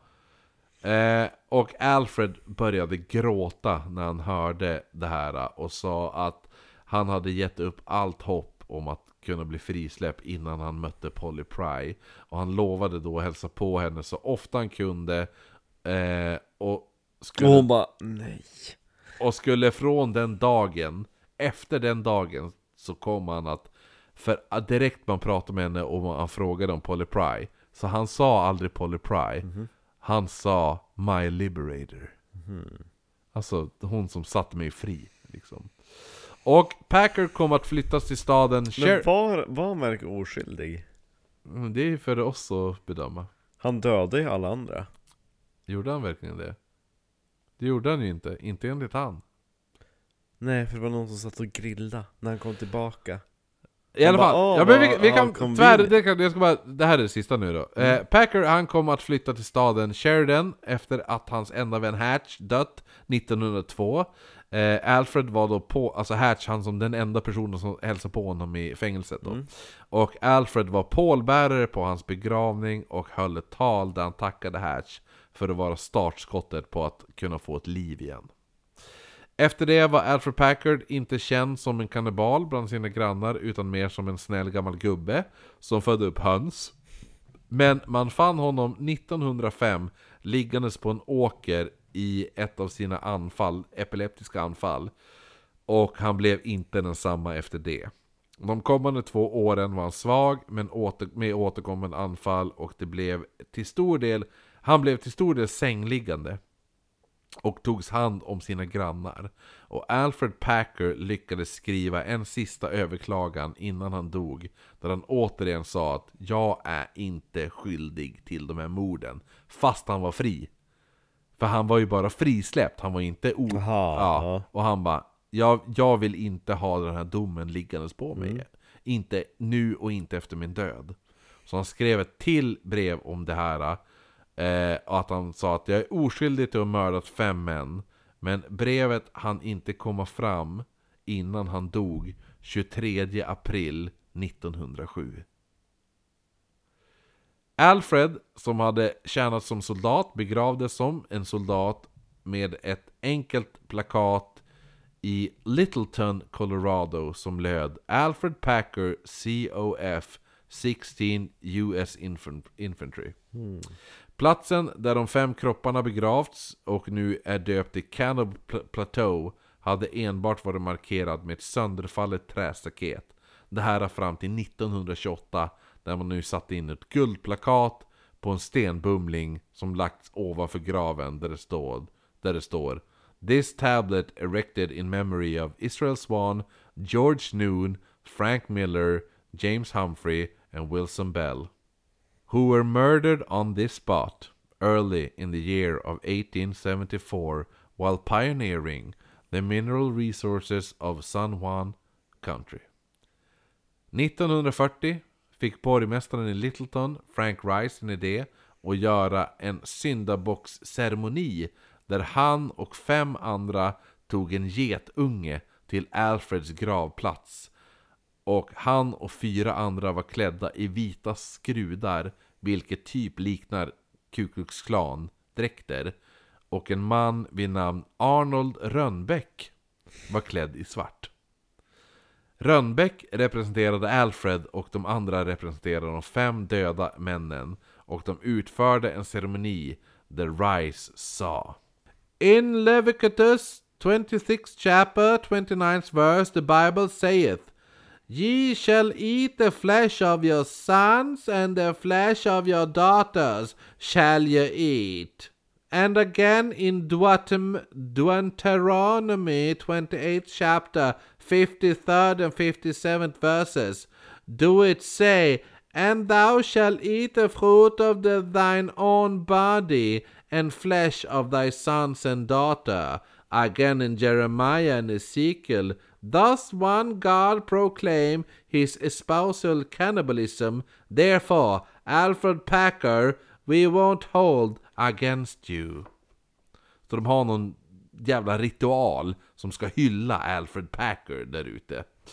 Eh, de fem döda männens kroppar grävdes då upp sen 1989 för att ju göra en rättslig undersökning baserad på Alfreds vittnesmål.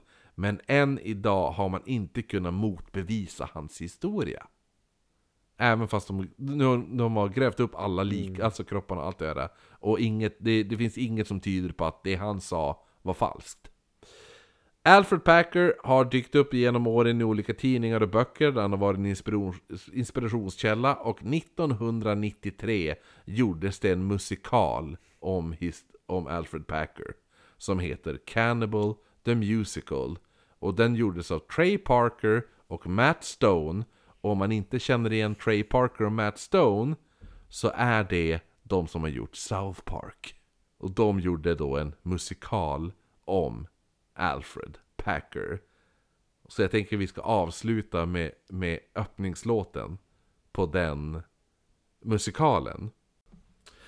Men innan vi avslutar det här avsnittet så ska vi faktiskt beta av alla jävla Patreons, eller jävlar ska man inte säga. Ni, vi, ty- goa gubbar och gummor. Nej alltså det är så mycket unga människor som lyssnar. Vi tycker ju faktiskt om er också. Så vi börjar som först med alla, alla fem dollars vi har samlat på oss under sommaren tror jag. Ja, Mm. de ska alla ha varsitt Precis, så vi har Vi, skrik. William Thunman, eller Tunman? Tunman?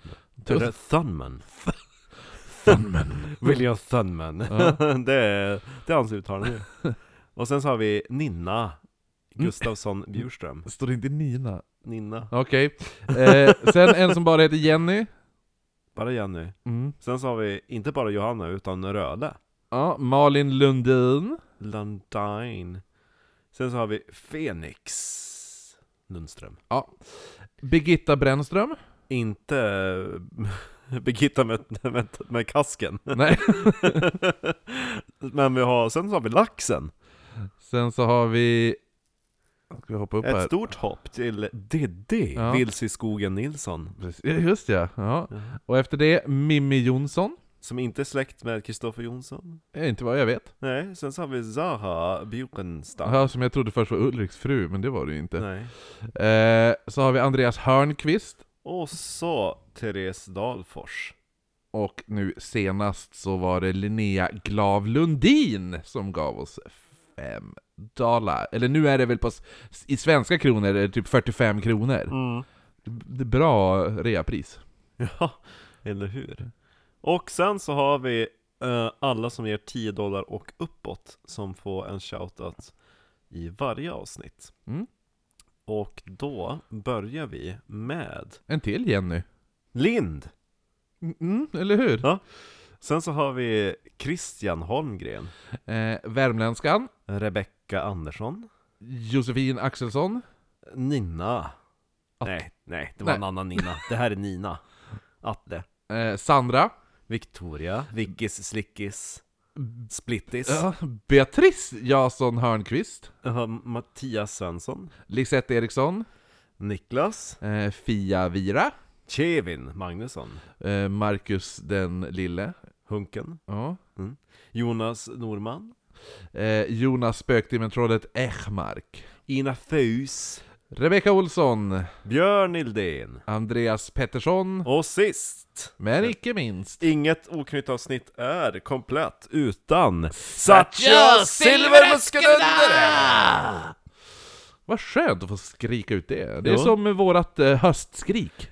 Bäst av allt när vi hade Satchio Silver i studion som skrek med. Ja, eller hur? Det var kändes väldigt eh, meta. häftigt. Ja, Eh, men innan vi avslutar med vår lilla musikalsången så ska du få välja nästa veckas tema.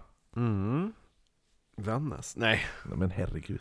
Nej men det har velat, jag vet inte, ska jag göra... Vi gjorde en båt förra gången. Och det var kul. Och det var kul. Jag har tänkt väldigt mycket och jag har faktiskt i, i, i jag höll på att säga skrivande stund är det inte, men i talande stund så, har, så står det fortfarande och väger fram och tillbaka. Det blir väldigt eh, personligt och du kan inte göra någon research alls. Nej men det låter bra. Ja. Min Mm. släkts spökhistorier. Oj! Kommer Ja. det bli ett långt avsnitt då? Ja. Det kommer Bara din släkt, får inte min släkts spökhistoria vara med? nej, min släkt. Bara Marcus släkts Ja. spökhistorier? Ja. Och då ja. blir det ljudklipp eh, och grejer. ja men vad kul! Ja. Det låter det Från låter min, eh, hon, min gammelfaster som var född 1907. mm. Det finns inspelat när hon berättar. Jag förbereder mig med ett ex, extra kort eh, spökhistoria om di, dina inte räcker till. Ja, eller Jag, jag, jag tar med mig några som backup. Bäst av allt är när min gammelfaster inleder sin spökhistoria med att jag tror inte på spöken men jag har sett dem själv. Eller hur? Hon Ja. bara, nej, man ska inte tro på allt man ser. Nej. Ja det är bra, men då, får, då är vi nöjda med det, då blir det, det får stå upp mot Jenny Lind. Ja. Lite Marcus släkt. Marcus släkts spökhistorier. Ja. Jä, Mot, jävels, eh, mot eh. Nischat! Nischat avsnitt alltså. Jo. Ja men det är bra, men då får vi önska alla en trevlig helgen och så får ni njuta av Alfred Packer musikallåten som kommer nu. God kväll och skål Marcus! Skål, Marcus.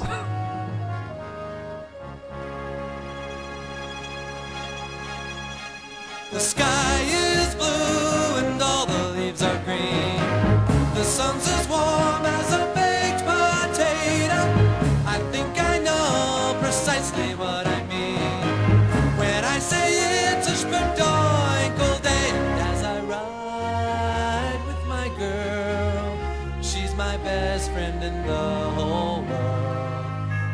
Move along, set our goals high with eyes full of hope as we aim for